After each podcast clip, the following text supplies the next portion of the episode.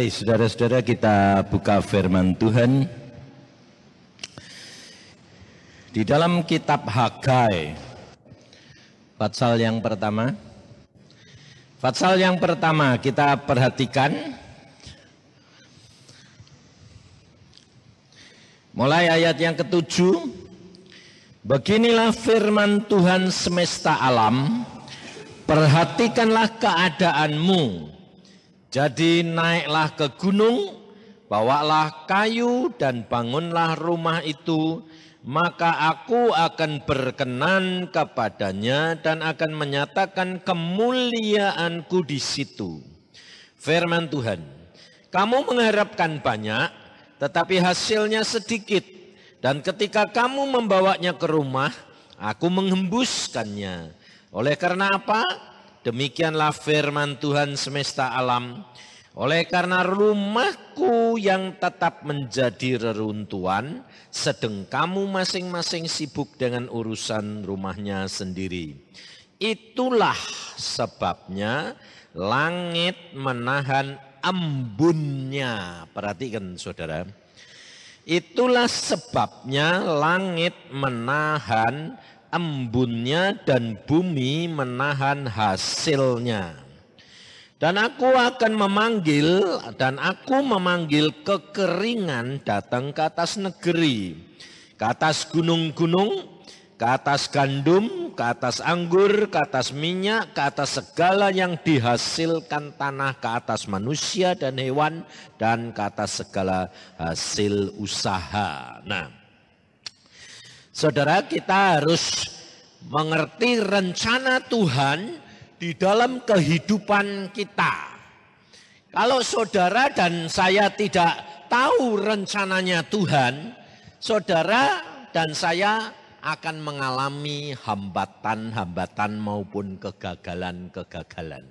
Nah, maka dari itu kita harus tahu.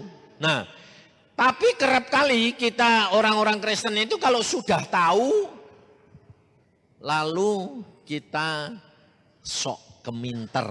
Nah ini loh, sok pinter. Lalu kita mempunyai rencana, punyai, punyai gagasan sendiri yang sebetulnya bukan kehendak Tuhan.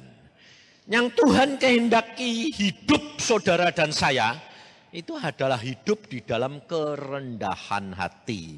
Tuhan Yesus ngomong, belajarlah kepadaku karena aku apa? Lemah lembut dan rendah hati. Lemah lembut itu bukan lemah gemulai. Lemah lembut itu bisa mau dibentuk, mau diajar, mau belajar, mau mengerti orang lain, itu lemah lembut. Nah, rendah hati itu bisa mengerti, bisa menerima keadaan orang lain. Dan tidak jatuh menghakimi. Salah satu contoh saudara, saya pertama kali melayani gereja ini bukan di sini saudara.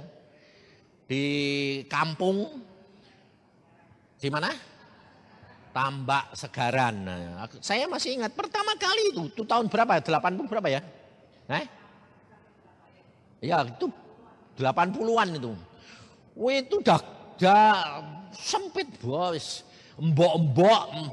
Aku sampai jalannya gak bisa Wanase setengah mati. Nah, lebih-lebih saya pertama kali pelayanan di situ saudara tahu. Yang mimpin ya si, si Lena ini, ya ya orang ini. Tetapi lain, dulu sama sekarang agak beda. Penampilannya lain sedikit. Penampilannya beda, tapi caranya tetap sama, ngambil tun tidak pernah bisa.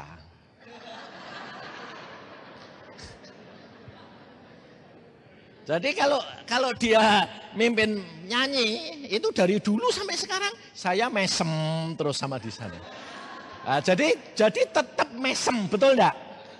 Jadi saya tidak jengkel enggak, wah memang orangnya gitu loh. Satu, kedua dia punya karunia bukan nyanyi karunianya nabi. Bernubuat, ngomong, ngerti. Tapi saudara perhatikan, di hadapan Tuhan. Ndak dinilai jago nyanyi ngambil tun. Lah nyanyine ndek yang yang organnya kebingungan no.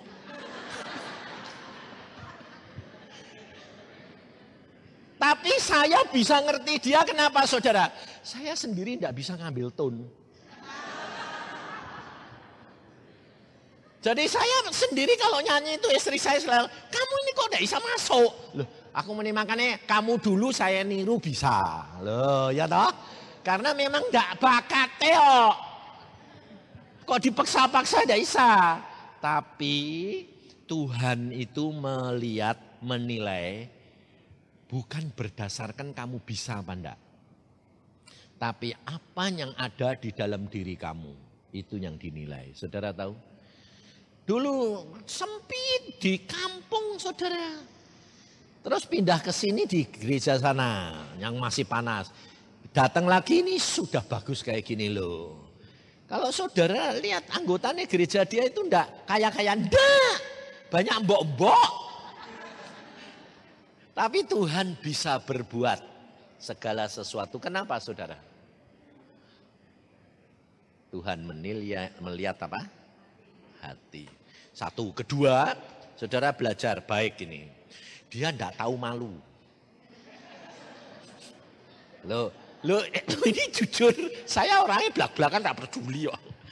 Loh, saudara kalau kira-kira kalau saudara jadi dia malu tidak mimpin pujian. Pasti saudara bilang, boh ya dikasih ke toh ya yang bisa nyanyi. Pasti ada yang mikir kayak gitu. Bukan itu masalahnya saudara. Bukan itu masalahnya. Masalahnya itu Tuhan mau sapa. Tidak urusan. Ngerti enggak? Jangan saudara itu berbakti karena liturgi. Enggak. Tuhan mau lihat hati. Sikap hatimu itu yang penting. Maka dari itu Tuhan di dalam kitab Hagai Tuhan berkata apa? Kenapa pundi-pundimu selalu bocor? Kenapa kamu kerja bawa pulang hasil yang kamu harapkan banyak tapi sedikit? Mengapa bumi, perhatikan, bumi menahan embunnya. Loh, bukan hujannya loh saudara, embunnya. Maka dari itu saudara, pada beberapa uh, tahun tahun yang lalu, dua tahun yang lalu, Tuhan berbicara. Sebelum Krismon, Tuhan berbicara begini, mulai tahun ini, anak-anak Tuhan ajarkan berdoa untuk tiap pagi sebelum jam 5 minta embun pagi berkat Tuhan. Nah, karena apa? Karena embun pagi ini pegang peranan karena Tuhan itu paling suka kalau saudara sama saya itu bangun pagi. Saya diajar bangun pagi itu 30 tahun yang lalu. 30 tahun yang lalu. Jadi setiap jam 5 itu saya mesti bangun. Sekarang enggak jam 5 lagi. Tetap jam 5 karena itu komit saya Tetap jam 5 mesti bangun. Tapi dibangunkannya sekarang itu mesti jam 3, jam setengah 4, tadi malam jam 2. Tapi kalau dibangunkan gitu banyak orang tanya gini. Loh, kalau dibangunkan jam 2 terus piye pak? Ya sembahyang. Nah terus boleh tidur lagi? Loh ya boleh. Kalau sudah sembahyang setengah jam, sak kuatmu, Nah kalau sudah selesai tidur lagi. Nanti dibangunkan janji, kamu janji jam berapa umpamanya. Setiap orang anak Tuhan tuh janji, saya bangunkan aku Tuhan setiap hari jam 5. Ya jam 5 harus disiplin saudara. Sebab Tuhan itu senangnya disiplin. Jangan telat. Jangan bilang ah sebentar lagi, sebentar lagi. Kehilangan kesempatan, momentum, saat yang penting itu kamu kehilangan. Dan saudara harus perhatikan hidup dengan Tuhan itu yang pegang peranan itu adalah momentum saat pada waktu engkau dilawat Tuhan. Bukan saudara yang datang kepada Tuhan, Tuhan yang datang kepada saudara. Sebab kalau Tuhan itu datang, itu saatnya tidak bisa diduga. Sak maunya dia. Gitu loh. Nah kalau saudara tidak nurut, kehilangan itu berarti saudara kehilangan berkat. Saya mengalami beberapa kali, selama hidup saya, saya mengalami tiga kali ujian yang Tuhan adakan. Ujian itu apa? Yaitu bangun pagi saudara ternyata. Nah pada waktu itu Pak Samudi itu juga penginjil desa yang hidupnya ngepres bukan ngepas. Ngepres sudah melayani Tuhan belasan tahun. Ngepres terus saudara. Waktu saya datang ke Surabaya tidur di rumah dia karena istri dia itu teman baik istri saya. Waktu Tuhan mengatakan ini hambaku ini salah salah persepsi, salah pendapat, salah punya konsep. Duh, konsep apa Tuhan? Dia itu penginjil desa.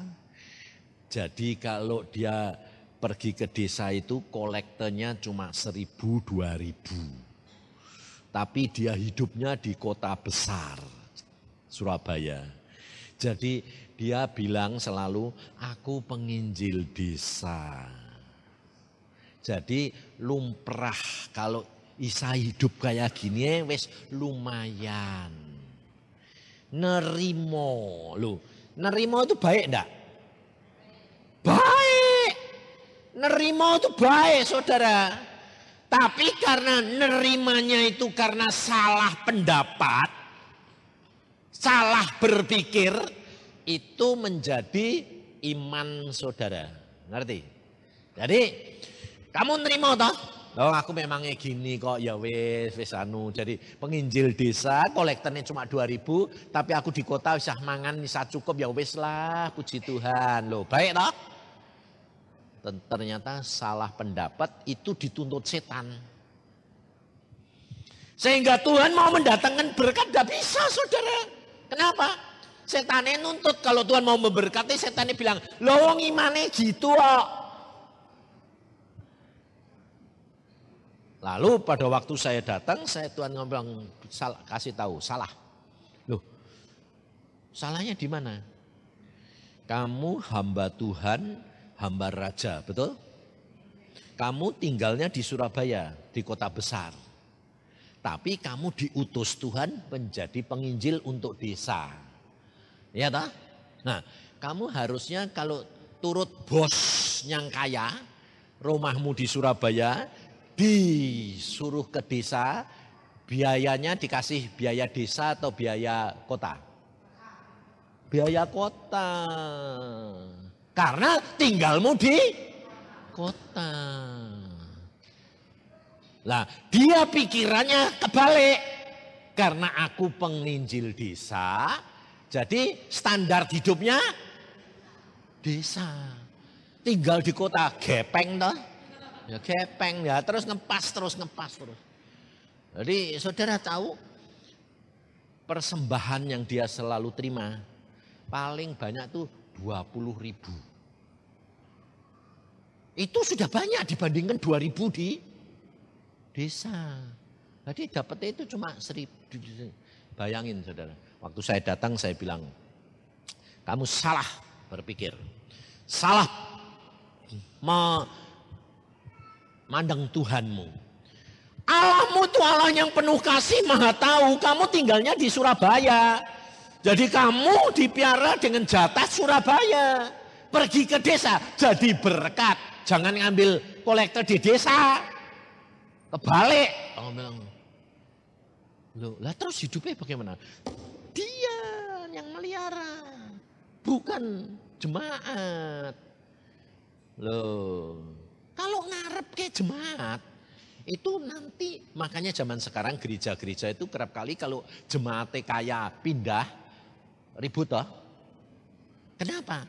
Karena gereja zaman sekarang sudah jadi apa? Peternakan.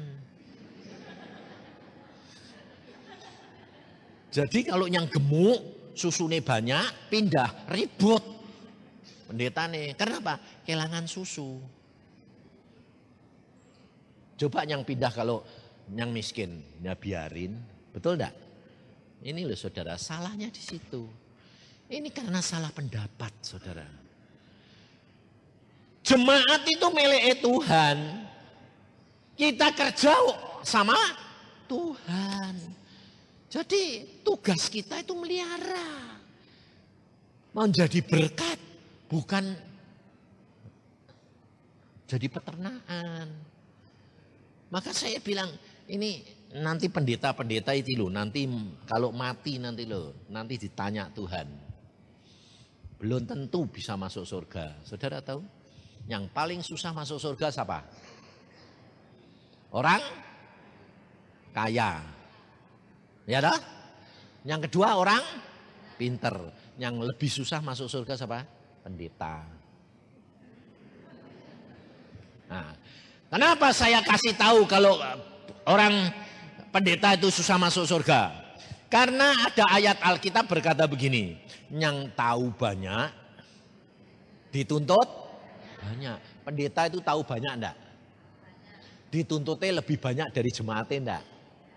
Bisa bayar apa enggak pendeta nih? Enggak bisa toh? Makanya saudara jangan kira kalau pendeta itu nanti kedudukannya di surga itu tinggi-tinggi. No. Banyak saya dikasih lihat Tuhan banyak pendeta kedudukannya di tingkat satu, di tingkat satu. Tapi banyak jemaat tinggalnya di tingkat tinggi bersama dengan Tuhan. Kenapa saya bilang, kenapa Tuhan begitu? Kamu perhatikan, mereka sudah dapat upahnya di mana? Di dunia. Kenapa? Nah, mereka itu mengerjakan untuk dirinya sendiri, bukan untuk aku. Maka dari itu saudara, kamu perhatikan. Hidup dengan Tuhan, saudara harus waspada. Supaya kita menjaga motivasi hati, karena Alkitab sudah berkata, Mengapa bumi menahan embun? Mengapa bumi menghasil, menahan hasilnya? Karena engkau membiarkan bait Allahmu itu tinggal reruntuhan, tapi kamu cuma memikirkan perkara-perkara jas mani. Ini hikmat dunia belum bisa dilepaskan sama anak-anak Tuhan, saudara tahu. Saudara harus dari roh menjelma menjadi daging. Yesus itu Allah roh masuk dalam perutnya Maria, jadi daging, keluar manusia, daging. Dinyatakan di dalam daging. Jadi saudara kalau mau mendapatkan kegenapan firman, hatimu dulu diberesin. Hmm. Baik Allah ini, hati ini di tempat roh kudus ini yang kamu beresin maka engkau akan mendapat berkat. Bagaimana cara membereskin? Ini harus kerjasama dengan jiwa, cara berpikir kita. Maka pada waktu itu Pak Samudi bilang, loh salah, salah. Sekarang bertobat, sekarang ngomong sama jiwamu. Lah caranya begitu saudara. Ngomong, Oh salahku lah. Sekarang berdoanya bagaimana? Tuhan terima kasih. Aku adalah penginjil hambamu yang engkau tinggal di Surabaya. Tapi engkau utus ke desa. Jadi aku dapat jatah-jatah kota. Bukan jatah desa.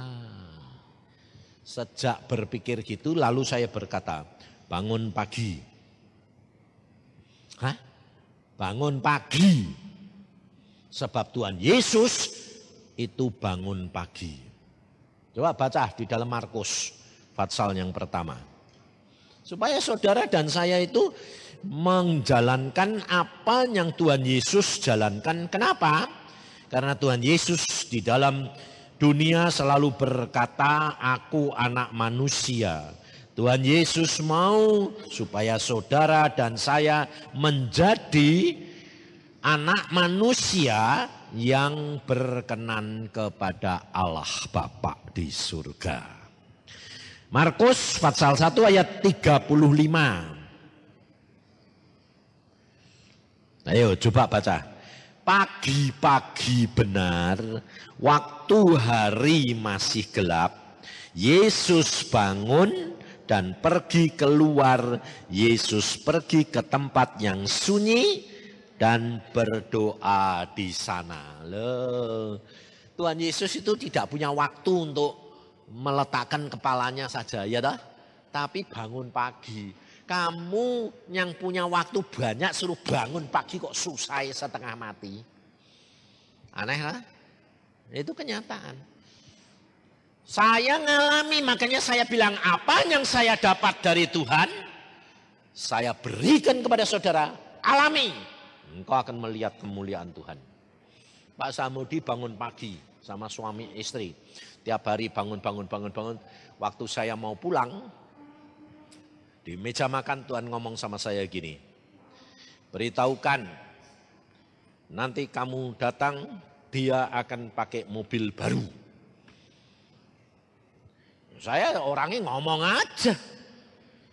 Kamu perhatikan kalau kamu melakukan apa yang saya tadi katakan karena Tuhan yang memberitahukan saya, kamu nanti aku datang tiga bulan yang akan datang saya datang kamu pakai mobil baru.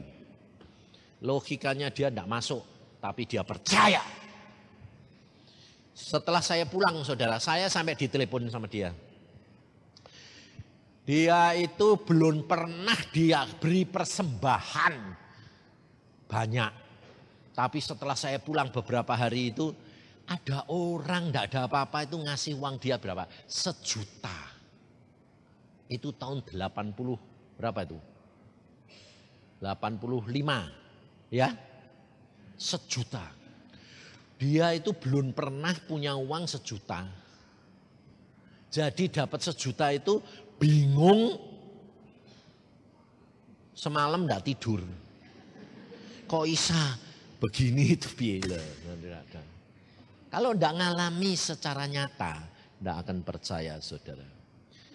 Saudara tanya sendiri nih loh, Lena sama suaminya. Kok bisa bangun kayak gini ini piye? Tidak ngerti, tidak bakal ngerti. Tidak masuk akal. Kenapa? Lah dari mana? Wong Tuhan kalau sudah berfirman semua mesti jadi.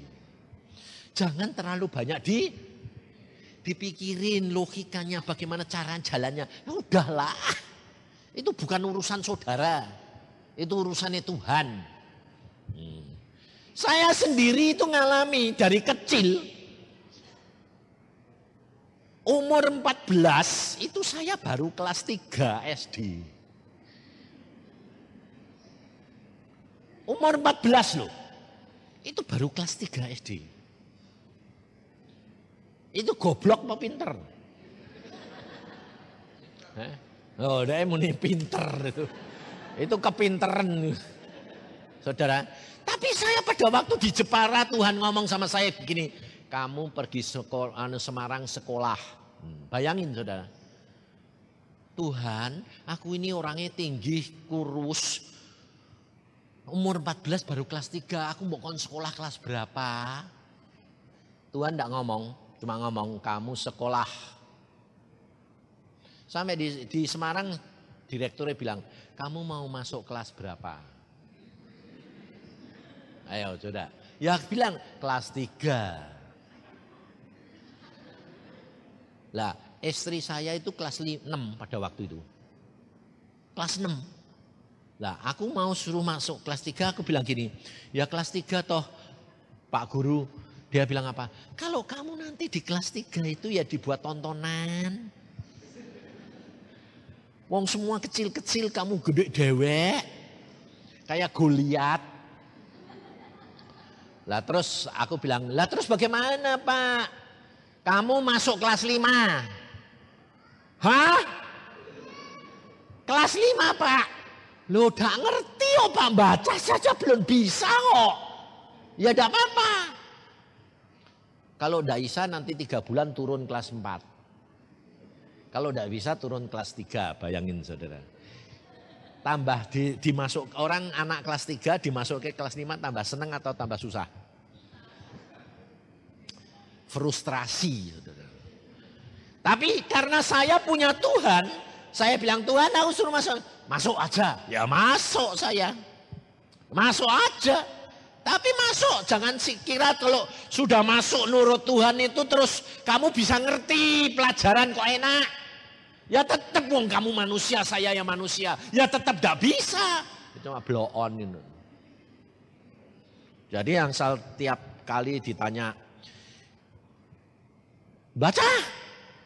Tidak tahu. Setiap pagi yang saya tanya, siapa yang dah bawa anak bikin PR?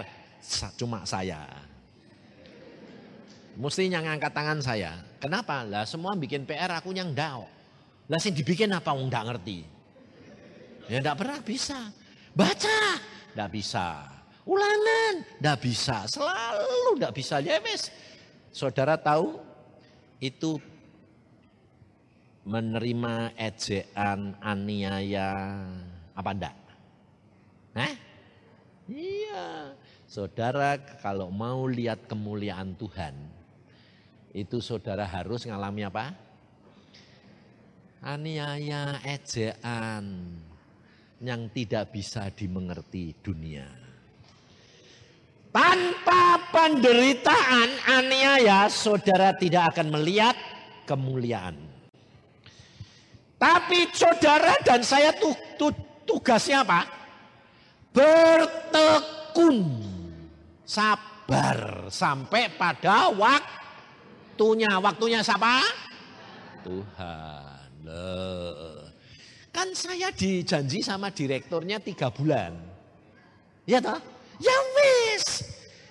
Nggak bisa ya wis dinteni terus. Nongkrong terus, iya. Nah, lalu saya tanya, kalau ngadepi gitu itu tetap nangis enggak? Nangis. Karena Alkitab berkata air matamu ditampung di kirbatnya Allah. Loh. Jadi kalau kamu susah, kamu mengalami kesulitan, tetap nangis enggak? Nangis, boleh. Tapi Alkitab berkata apa? Ucapkan meskipun nangis tapi bersyukur aneh ra wong edan nah itu.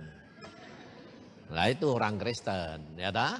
Wis kecepet, gak bisa apa-apa, nangis tapi bersyukur. Nah, itu itu makanya itu orang Kristen tuh sinting. Saya juga begitu, saudara. Tiap hari itu sampai rumah itu cuma nangis. Karena apa? Tidak pernah belajar bisa, mau les, nggak punya duit. Jadi ya Tuhan ora iso apa Tuhan. Tuhan tidak jawab. Jangan khawatir.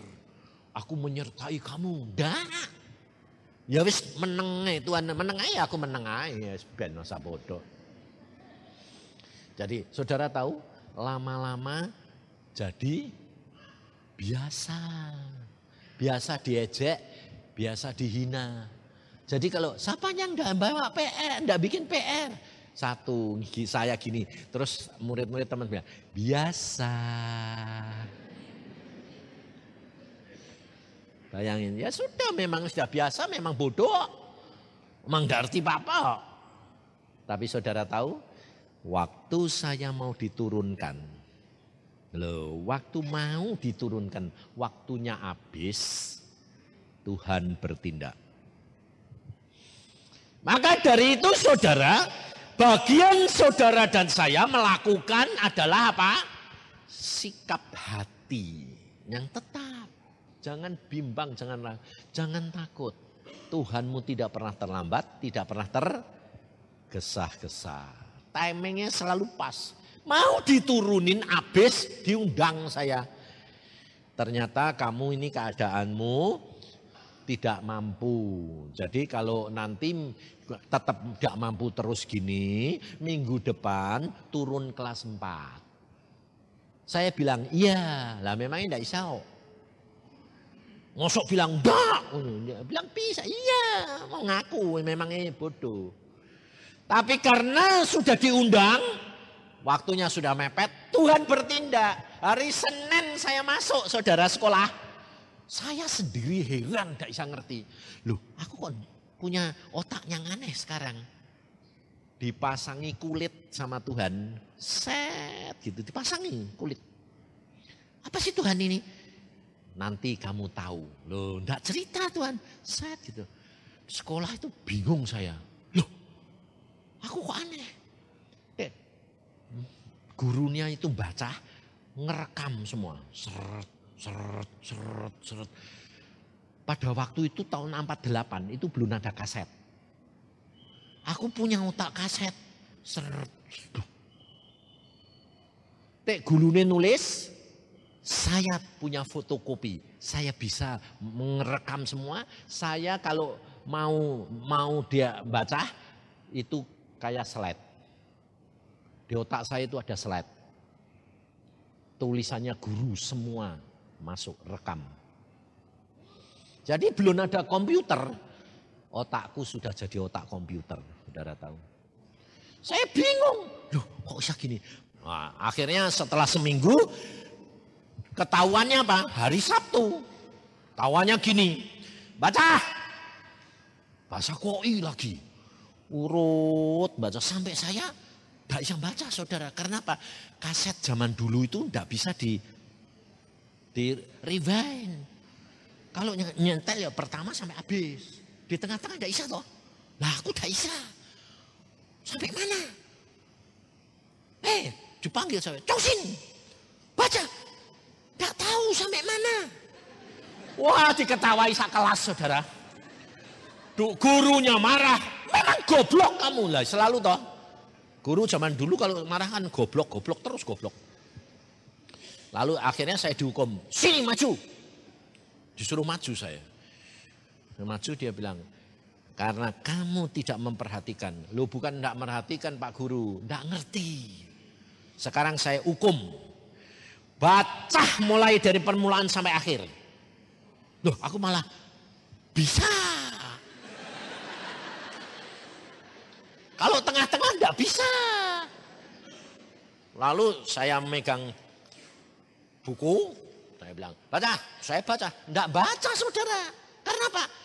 Niruin nyetel kasete.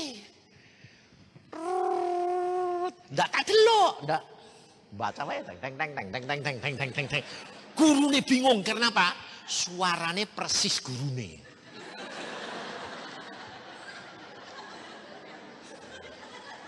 Jadi bukan suara saya, tapi suara gurune. Gurune melotot. Kamu kok bisa niruin suaraku? Wah, lalu hari itu pikirannya berubah. Dia bilang apa? Anak ini jenius.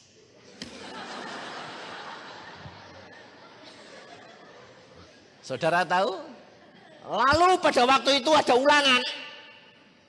Ulangan kalau ulangan kan sama yang dipelajari kan beda. Angkanya kan dirubah. Nol, saudara. Tapi kalau angkanya sama, yang dipelajari sepuluh. Sampai dia bilang, kok aneh anak ini. Lalu saya bilang sama guru ini gini, Pak Guru, Pak Guru itu kalau bikin ulangan,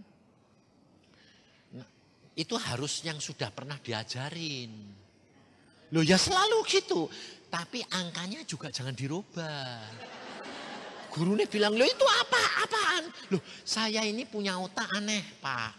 Sejak kemarin dulu itu punya otak. Kalau pak guru nulis, saya tahu semua. Nanti kalau ulangan jangan dirubah. Mesti 10. Tapi kalau dirubah angkanya 9 ganti 8. Nol. Saya tidak bisa ngitung. Kok kamu kok aneh? Kalau saya bacakan banyak ngerekam semua. Oh masuk semua, masuk. Sejak itu angka saya 10 atau 0. Lalu gurunya itu jatuh cinta sama saya gini. Pulang dari sekolah mampir ya, saya ajari. Saudara tahu? Pulang dari sekolah dua jam saya diajari terus. Dibacakan semua pelajaran, soal di semua pelajaran. Waktu dites sama dia, wih dia bilang jenius anak ini. Tidak jadi diturunin.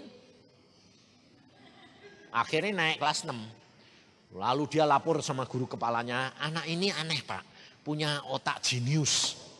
Ini kelas 6, coba kita bacakan sama kasih soal supaya dalam waktu dua bulan habis pak pelajaran. Dalam waktu dua tiga bulan semua pelajaran kelas 6 tak sikat habis. Dites angsal angkanya semua ini sama 10. Akhirnya saudara tahu saya disuruh sekolah sore SMP. Jadi SD itu pagi sekolah SD, kelas jam 1 sampai jam 6 saya sekolah SMP. Dan dia bilang, di SMP juga dikasih tahu gurunya, ini anak aneh. Jadi kalau ulangan mesti sama. Kalau sama 10. Nah terus saya dijanji, kalau nanti akhir tahun rata-rata SMP ini 9, 8, 9, SD lulus langsung naik kelas 2 SMP dari SD. Lulus. Rata-rata saya 9. SD lulus, langsung masuk SMP kelas 2. Ketemu istri saya, rasain lu sekarang. Loh. Saudara, Tuhan itu bisa membuka rahasia apa pun kalau sudah waktunya. Maka dari itu saudara, saudara lakukan saja bagian saudara. Saudara tekun Percaya akan firman. Jangan terlalu banyak dikutak-kutik. Tetapi saudara lakukan apa yang Tuhan mau. Selesai. Nanti saudara dan saya melihat mujizat demi mujizat. Tapi yang dibutuhkan sedia tahan diri terhadap apa? Pencobaan, aniaya, penderitaan, hinaan. Jangan malu karena Tuhan itu luar biasa. Nah, kalau saudara dan saya sudah melakukan bagian saudara dan saya, apa yang dijanjikan Tuhan? Lihat di dalam kitab Hagai tadi. Tuhan berkata begini. Di dalam ayat yang ke-7. Fatsal 2 ayat 7. Janganlah takut Sebab beginilah firman Tuhan semesta alam. Sedikit waktu lagi, maka aku akan menggoncangkan langit dan bumi, laut dan darat. Aku akan menggoncangkan segala bangsa sehingga barang yang indah-indah kepunyaan segala bangsa datang mengalir maka aku akan memenuhi rumah ini dengan kemegahan firman Tuhan semesta alam. Kepunyaankulah perak, kepunyaankulah emas, demikianlah firman Tuhan semesta alam. Adapun rumah ini kemegahannya yang kemudian akan melebihi kemegahannya yang semula. Firman Tuhan semesta alam dan di tempat ini Aku akan memberi damai sejahtera. Demikianlah firman Tuhan semesta alam. Saudara, jadi dari sini saudara akan tahu bahwa kalau saudara dan saya ada jalan keluar pertolongan itu bukan karena kebaikan usaha dan kemampuan kita, tetapi karena apa? Tuhan yang menggerakkannya. Maka dari itu saudara itu harus mengetahui sungguh-sungguh. Karena kalau Tuhan sudah bertindak, tidak ada orang yang bisa menahan. Pada tahun 90 saudara. Pada waktu tahun 90 Tuhan rumah saya itu saat anu ndak ndak ada tingkatnya biasa. Kemudian saya di rumah saya ada persekutuan 17 tahun. Lalu tahun 90 Tuhan ngomong sama saya gini. Rumahmu robohin. Kaget aku. Lah rumah kok disuruh ngerobohin. Loh, kenapa Tuhan? Bangun baru. Dua tingkat. Lah kalau dia ngomong gitu tuh saya punya duit gitu ya lumayan ya toh. Enggak punya. Disuruh ngerobohin. Loh Tuhan, aku sudah enggak, enggak kepengen kok. Mas segini aja seneng aku bilang gitu. Tuhan bilang engkau sudah cukup menderita 17 tahun. Sebab kalau ada persekutuan saudara, kursi-kursi anu mau anu itu masuk kamar tidur jadi saya tidak pernah bisa tidur siang. Kamar-kamar itu jadi gudang. Itu 17 tahun. Tapi Tuhan bilang sudah cukup. Loh, ngerti enggak? Saudara dan saya tidak usah ribut-ribut nuntut. Kepengen. Enggak usah. Tuhan kalau sudah tiba waktunya Tuhan sendiri yang bertindak. Pada waktu itu saya bilang, caranya bagaimana Tuhan wong aku tidak punya duit. Mobilmu Honda Accord itu jual. Hmm. Ya saya nurut aja. Honda Accord saya jual belas dapat 42 juta. Berikan kontraktor suruh bangun. Nah sudah saya kasihkan dia. Lalu saya bilang gini, kalau nanti duitnya habis, kurang 5 juta habis, kue ngomong lu ya. Kenapa? Nanti saya yang ngelapor mbak Tuhan. Jadi nanti caranya piye, tidak ngerti toh. Nah, siapa tahu suruh jual apa lagi ya toh. Ya aku nurut aja. Lalu dia bilang, ya pak, dibangun. Dalam waktu enam bulan harus selesai. Sebab Tuhan bilang, enam bulan selesai. Saya bilang, enam bulan harus selesai. Wah, ngebut dong pak. Ya. Uangnya pasti ada, pasti ada. Karena dia yang jamin. Padahal saya tidak punya duit, saudara. Tapi saudara tahu, Tuhan luar biasa. Pada satu saat, mau ngecor, bikin tingkat dua kan dicor. Semen tidak ada. Sudah waktunya ngecor lusa, semen habis karena mau naik kontraktornya bilang gini, Pak, maaf Pak, enggak bisa jadi. Kenapa? Tidak punya semen. Saya cari di mana-mana enggak ada. Loh, lah kamu kok enggak jauh-jauh hari? Lah pikir saya ya ada. Di samping itu duitnya kan mepet Pak. Ya iso tos nyimpen semen. Oh iya betul, betul, betul. Saudara tahu? Saya cuma bilang gini, kamu butuh semen berapa? Ya kira-kira 200 sak lah. Oke? Sudah, saya enggak, enggak peduli saudara. Saya tinggal masuk doa. Tuhan 200 sak semen. Boh aku minum. Lusa. Ya sudah. Terus saya besoknya saya berangkat ke ke mana? Ke Cirebon khotbah. Saya khotbah biasa saudara, enggak usah ngurusin semen itu dah ya cuma khotbah biasa. Selesai khotbah saudara tahu ada orang itu duduk di sana itu datang pada saya gini, Pak Yusa, kamu ini ada apa? Loh, ada apa? Kok Tuhan bicara sama saya, saya suruh ngasih kamu semen. Loh, kamu ada apa? Wong ke ya ada khotbah perkara semen. Loh, kamu ini ada apa? Kok butuh semen itu buat apa? Aku ya bilang mbak Tuhan, Tuhan, wong hamba Tuhan kok butuh semen? Gopo. Lalu bilang, oh kamu dikasih tahu Tuhan berapa? Suruh ngasih aku berapa? 400 sak. Wah, bener aku bilang gitu. Bener Pak, bener. Kapan? Besok. Kirim. Kenapa Pak? Lah ini mau ngecor rumahku, ndak punya semen. Lalu dia bilang, memang tidak ada, tidak bakal ada semen. Dalam waktu satu dua bulan tidak ada semen. Kenapa? Mau naik. Lah kamu kok punya? Lah aku dileri semen loh. Luar biasa enggak Tuhan? Aneh enggak? Nah, dia punya. Kamu punya berapa? 2000 sak. Tak simpen. Suruh ngasih kamu 400 sak.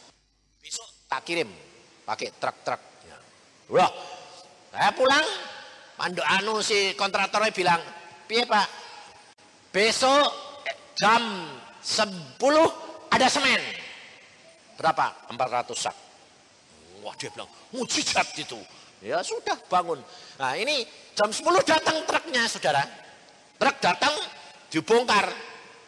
Saya tungguin. Tuhan kau tuh luar biasa. Eh ada pendeta jalan dari kampung ke tempat saya. Pendeta itu tujuannya mau pinjem semen. Karena dia bangun gereja ya macet. Nah, pendeta itu jalan biasa, uncuruk, uncuruk, uncuruk, gitu. Tuhannya ngomong gini, Yusa, pendeta itu itu butuh semen. Mau utang sama kamu. Lah terus piye Tuhan? Nggak usah hutang. Perpuluhannya 40 sak, kasih dia. Nah. Jadi pendeta itu sampai belum ngomong sama saya saudara. Uncuruk, uncuruk, uncuruk. Eh Pak Pendeta. Aku bilang, kamu mau pinjam semen ya? Kaget lagi dia. Lupa Yusa kok tahu? Loh Tuhan sih ngomong, kamu ngambil becak, ngambil 40 sak, itu perpuluhan, ambil. Dia bilang, puji Tuhan. Saudara, aneh lah. Hidup dengan Tuhan itu luar biasa, saudara. Maka dari itu saudara itu tidak perlu takut, tidak mau khawatir. Lah, waktu mobil saya itu saya jual, saya pakai mobil Forza. Forza kecil dulu, Suzuki. Tahun lama lah. Saya khotbah, saya khotbah saudara di masa di di di ejek, Goliat naik. Lah Forza kan kecil, saya kan gede ya toh. Saya keluar Goliat naik keledai.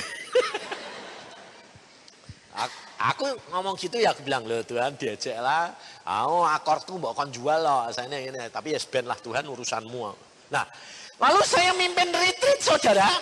Mau mimpin retreat ini. Pergi retreat. Di setopan antri gitu. Belakangku bis Ijo BC itu nyondol aku. Lah Forza ditandang bis depannya pick up. Yo gepeng to ya. Aku menilo Tuhan gepeng ra. Aku bilang gitu. Terus saudara pikir kira-kira kalau kamu hamba Tuhan model saya ini digituin bisa haleluya enggak? Jangan kira saudara tanya istri saya itu loh. Yang bisa itu istri saya. Mak gue peng. Uh, naik. Ini darah naik, saudara. Saya bilang, kurang ajar. Dia bilang, yang, yang, yang, yang, yang, yang, yang, yang. Dia ngerem, ngerem. Yang, yang, yang, yang. Sabar, sabar. Sabar, sabar. Ki, gepeng kok kabang. Ah. Saya keluar, saudara. Sopere bis, aku turun. Wah, bayangin, saya galaknya kan tahu kamu. Saya bilang, turun. Sopir bis takut turun, saudara. Langsung Tuhan tuh ngomong gini. Ngomong dia, tidakkah kamu rela? Kayak orang disiram es, macet. Waduh, aku tadi marah gitu. Tuh, Aku dia ngomong, tidakkah kamu rela? Macet ya ini. Mau marah jadi tidak bisa.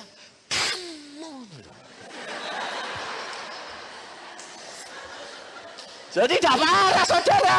Akhirnya saya bilang, kamu ini loh saya bilang. Kalau kamu saya suruh ganti, kamu tidak makan anak istrimu sebulan. Saya bilang, tahu enggak? Ya pak, makanya hati-hati. Ya maaf ya pak. Ya sudah sana pergi. Bayangin saudara. Gepeng-peng gak bisa jalan. Terus aku menilai, lah terus piye ini Tuhan tidak bisa jalan. Biasanya sudah pergi. Terus Tuhan bilang, lah ini kejadianan persis di depan bengkel. Huh, bengkel. Jadi tidak usah dorong-dorong melebu bengkel. Orangnya bilang gini, aku bilang bikin betul aja, pokoknya saya jalan. Sebabnya aku mesti mimpin anu kebaktian. Oh ya bisa pak, yang penting fan-nya ini jangan kecepit. Pokoknya jalan, radiatornya tidak bocor kok, ya wis. Jadi pergi ke retreat itu penyok-penyok saudara. Di retreat orang seribu lihat semua. Loh. Pergi retreat, mimpin retreat kok mobilnya di peot. Itu mesti ini ndak beres. Betul ndak? Ayo. Kamu kerap kali nilai gitu dah. Wong pergi ke gereja kok ditabrak. Mesti ini ndak beres. Jangan menghakimi. Hmm. Saya ngalami semua, makanya saya itu orangnya ndak pernah mau ngakimi. Kita ndak tahu Tuhan itu sedang ngajar. Saya digituin, saya mesem terus. Oh, memang aku ndak salah kok. Ya tadi marah ndak jadi. Marah karena dia bilang, tidakkah kamu rela? Ya wis toh. Udah minta ganti. Sampai yang punya bengkel begini. Pak, kalau semua orang kayak Bapak, dunia ini aman Pak. Polisi tidak perlu Pak. Sebab kalau ribut tidak usah, ya sudah biar gitu. Aku bilang, kalau aku tidak punya Tuhan, eh, tak gepengi aku. Saudara tahu, di sana saya mimpin biasa. Eh, pulang, setelah tiga hari pulang saya masukkan bengkel. Saya masuk bengkel, tempat bengkel teman saya. Karena teman saya bilang gini, aku punya bengkel bagus. Ya, wes, yo, sana masukin, masuk. Nah, teman saya itu punya pikiran, saudara. Aku nanti tidak usah bayar.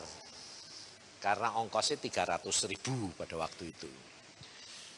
Tidak usah bayar, dia yang mau bayar. Tapi dia tidak ngomong. Nah, langsung saya pelayanan ke Jakarta.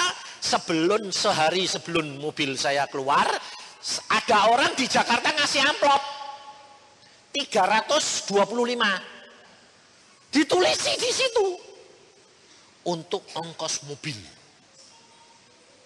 Jadi jelas, saya terima tas. Nah, tak kasih perpuluhan, jadi aku cuma nombok 5000 plus.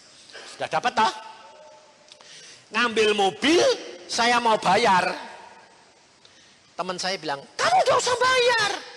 Kenapa? Aku yang bayar. Kalau saudara seneng enggak? Eh? Seneng toh? Sudah dapat dari Jakarta 300 ribu. Terus ternyata dibayari. Jadi kan dapat double lumayan toh itu tandanya saudara masih tamak. Saya tidak mau. Saya bilang gini, tidak bisa. Karena aku sudah terima persembahan dari Jakarta 300 ribu untuk bayar mobil. Ditulis untuk ongkos mobil. Lu aku mau bayar kok. Itu urusanmu. Kalau kamu ngomong lebih dahulu, saya tidak terima pemberian orang lain. Tapi karena Ya, aku sudah terima pemberian orang lain, saya tidak terima pemberian kamu. Aneh lah. Dia bilang, kamu ini hamba Tuhan yang memang aneh. Dikasih berkat kok tidak mau. Bukan jatah saya. Saya tolak. Saya bawa pulang. Saudara tahu? Teman saya itu, dia bilang apa? Lapor sama Tuhan. Tuhan, Tuhan, yang suruh bayar mobilnya Yusa itu kan kamu toh. Kok sekarang dia tidak mau? Eh Tuhannya jawab gini, aku bukan suruh bayar, suruh ganti. Loh kok ganti piye toh Tuhan?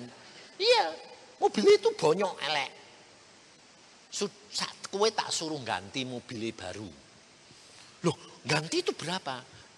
Aku bukan nyuruh kamu ngasih 300 ribu tapi 30 juta. Biaya melotot. Oh, 30 kok 30 juta. Lalu dia bilang, loh Tuhan benar. Loh benar. Terus dia nakal saudara. Nakalnya gini. Oke Tuhan, kalau memang saya harus ngasih Yusa sebesar itu, buktiin. Minta tanda. Tandanya apa? Aku mau datang pagi-pagi jam 6. Tapi saya minta yang bukai pintu he, bukan pintu lemak anu rumah lo, pintu he mesti Yusa sendiri. Kalau tidak, bukan dari Tuhan. Dia pergi dari rumah jam setengah enam pergi rumah saya. Lah lucunya saudara jam enam kurang seperempat saya tuh selesai sembahyang. Biasanya selesai sembahyang saya bilang sama pembantu saya, B ambil koran di bawah. Saya mau keluar mau nyuruh B baru ngomong gitu Tuhan bilang ambil sendiri. Aneh-aneh ya. Ya wes saya turun ngambil koran. Tak mau tak bawa naik lagi toh, baca di atas toh. Tuhan bilang, baca di bawah. Jadi, ada apa sih Tuhan? Nurut. Ya baca di bawah. Baru lima menit. Dia datang, tet. Loh lah, yang di bawah kan aku. Pembantuku kan di atas. Ya masuk aku bilang, Bi, bukai. Ya enggak toh ya. Tak buka atau jeglek. Eh koncoku dia bilang, tumben bah lu ngomene pagi-pagi jam 6 ngapain? Dia gantian gini, tumben kok kue buka itu piye? Dia jadi bingung saudara. Lu kamu kok bisa bukai? Lalu saya bilang, aku tuh tadi ngambil koran, mau tak bawa naik, Tuhan bilang baca di bawah. Karena aku minta tanda, dia bilang, yang bukai he, harus kamu. Kenapa? Aku ini loh di perintah Tuhan, tidak 300 ribu, 30 juta. Hah? Buat apa? Ganti mobil. Lalu langsung dia ngeluarin cek 30 juta. Nyoh, pulang lagi, enggak mampir saudara. Langsung kayak nyoh. Wes, aku pulang. Lo udah ngobrol. Enggak, Wong wis bener ini dari Tuhan. Nyoh, nih wis. Kalau saya tadi didengar suara Tuhan atau diperintah Tuhan ndak nurut, kehilangan momen ndak? Eh? Kalau kehilangan momen, kehilangan mobil ndak? Hmm, bayangin saudara. Maka dari itu saudara, dengan kamu bangun pagi, kamu akan menjadi lebih peka.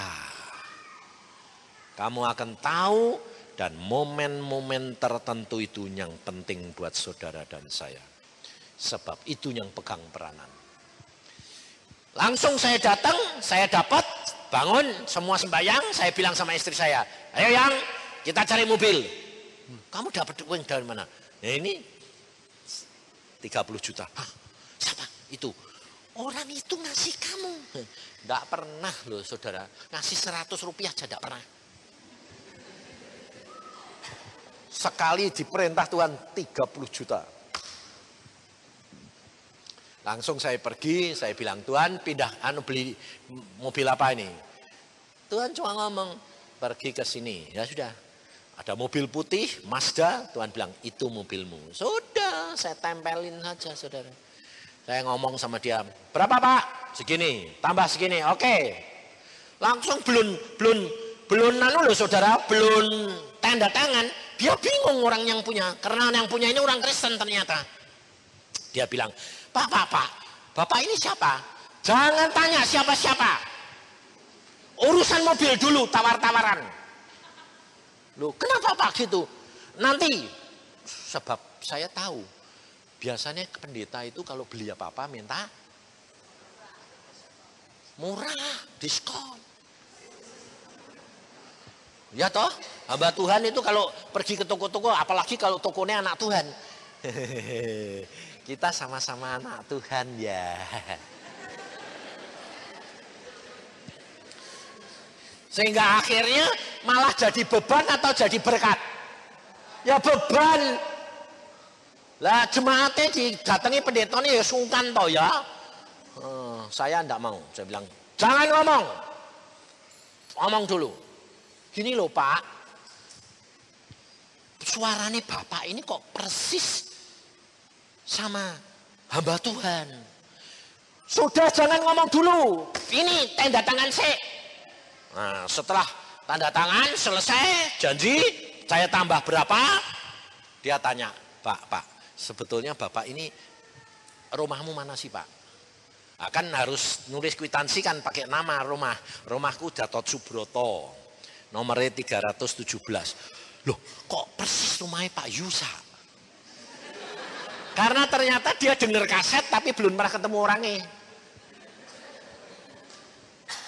Loh rumahnya kok persis Pak Yusa? Oh iya sama, anak saya bilang Semi. Rumahnya sama Om, sama Pak Yusa. Loh kenal Pak Yusa baik? Ya kenal baik toh, wong serumah kok. Loh lah Bapak ini siapa? Loh saya ya Cipto Purnomo, aku bilang gitu. Ah, apa ya Pak Yusa? Ya Yusa Cipto Purnomo. Langsung dia bilang gini saudara. Pak, dari tadi mbok ngomong. Nanti mbok bapak nawar berapa aja lo tak kasih. Aku bilang, aku tidak mau jadi beban. Aku mau jadi berkat. Kalau kamu tahu saya Yusa Cipto, saya tawar kamu sedikit. Kamu tadi kan enggak ngotot toh. Aku nawar kamu cetil aja ngotot gue ya toh. Ya Pak, ah, ini dagang ya dagang. Lah aku ya mau nih gitu, dagang-dagang. Beri-beri, tapi tidak mau saya. Kalau kamu caranya aku tahu hamba Tuhan terus mau kasih murah. Tidak. Saudara tahu? Saya mau dikasih korting lagi dua setengah juta. Saya bilang, tidak. Saya bayar sesuai dengan perjanjian. Nah, aku mau ngasih korting. Tidak mau. Nah, urusan.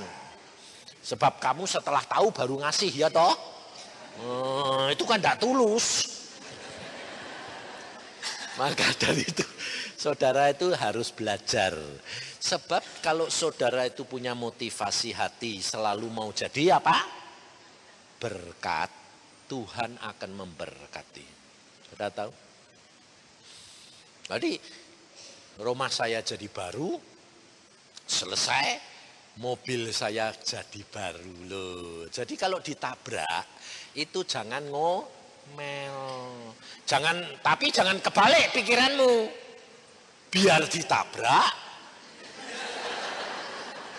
supaya dapat baru salah tidak bakal diganti motivasinya kebalik. Tama. Tapi kalau saudara benar saudara mendapatkan pencobaan atau ujian ucapkan syukur